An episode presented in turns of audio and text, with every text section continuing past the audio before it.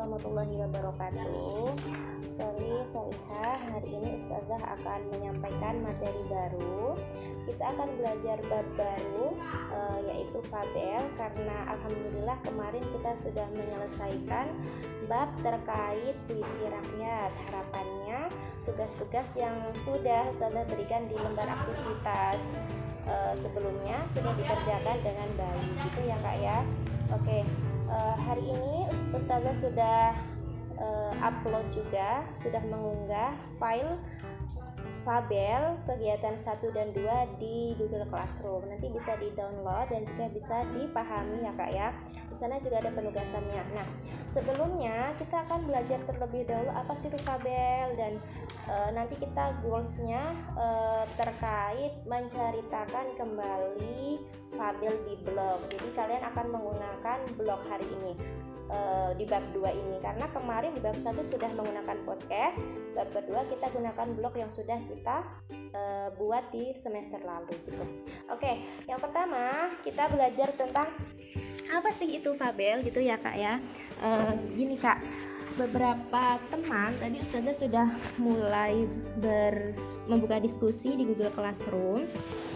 Uh, ada banyak anak yang sudah dan sering menonton cerita-cerita yang tokohnya diperankan oleh binatang gitu ya. Nah, nah itu sebenarnya kalian sudah sangat terbiasa dengan salah satu jenis karya sastra ini ya kak, e, yaitu namanya fabel ya karena memang di dalamnya itu tokoh yang berperan adalah binatang gitu. Dan binatangnya itu e, di disamakan seperti manusia gitu. Jadi bisa berbicara, bisa merasa sedih, merasa bahagia, bisa mengambil sesuatu di atas meja, memiliki rumah, pokoknya layaknya manusia seperti itu. Nah, uh, hanya saja ya perbedaannya uh, manusia dan binatang begitu. Binatang itu kan juga memiliki cara berkomunikasi ya kak. Ya ibaratnya semut dengan semut itu bisa saling berbicara sapi dengan sapi begitu.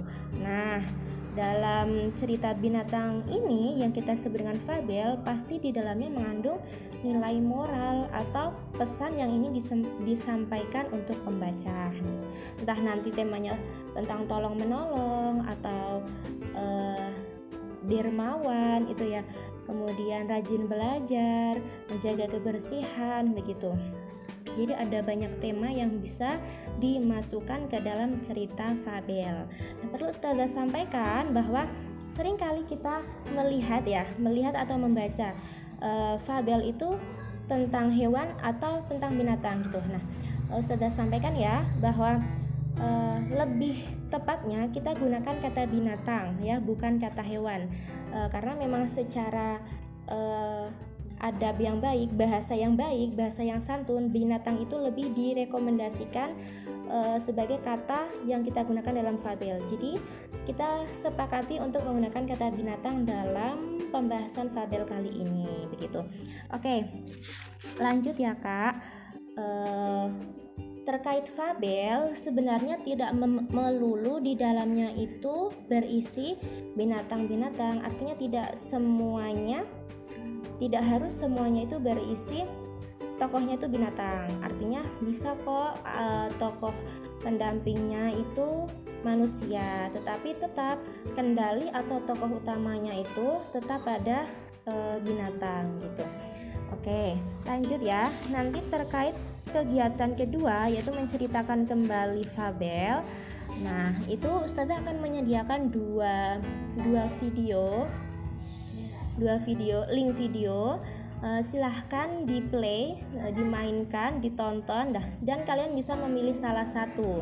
Nah setelah kalian memilih salah satu silahkan kalian menuliskan dalam bentuk tulisan di blog kalian masing-masing tetapi dalam menuliskan itu kalian tidak boleh melihat ya.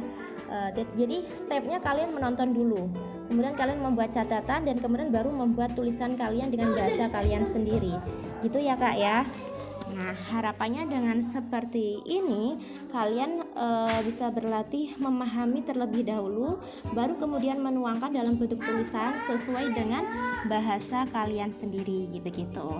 Oke, e, ini terkait juga penjelasan ba, e, kegiatan 1 dan 2. Selanjutnya e, materi fabel akan kita lanjutkan di e, pembelajaran STL setelah PBL dua pekan PBL selanjutnya begitu. Ustazah tutup untuk pembelajaran kali ini. Semoga uh, berkah ilmunya kalian bisa belajar dengan baik.